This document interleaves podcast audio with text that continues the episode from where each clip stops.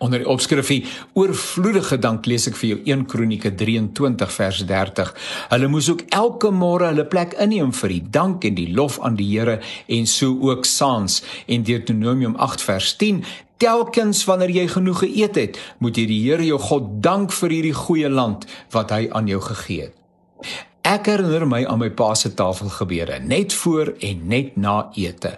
Dit was amper Hollandsagtig as hy gebid het: Seën Vader dese ete, laat ons nimmer u naam vergeete. Amen.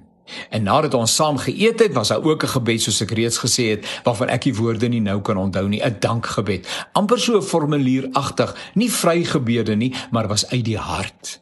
Ons het nie almal amen gesê soos wat mense deesdae maak nie, nê, maar dan het ons weggelê aan dit wat my ma voorberei het. Ons sou nooit eet voor daar nie gebid is nie.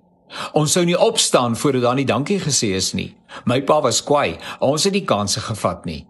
Ek wonder wie van julle kan hiermee identifiseer die gebed by die tafel. Ons, ek en Suzette, bid steeds vir die ete, net soos ons ouers ons geleer het.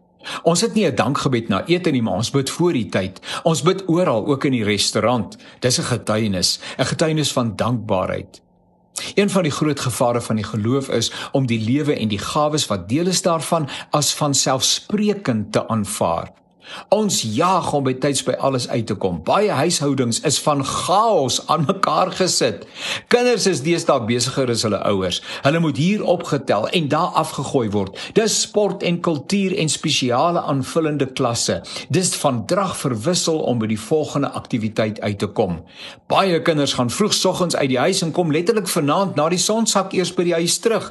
Dis lewe op weg, life on the go. Dis afmerk wat klaar is en by die volgende afspraak uitkom. Tyd vir gebed en dankie sê en saam eet raak op die agtergrond. Maar dit mag nie. Dis onverskillig en dit ondergrawe die geloofslewe. Maak tyd vir saam eet, saam bid, saam dankie sê, saam feeste vier. Seën Vader dese ete, laat ons nimmer u naam vergeete. Amen.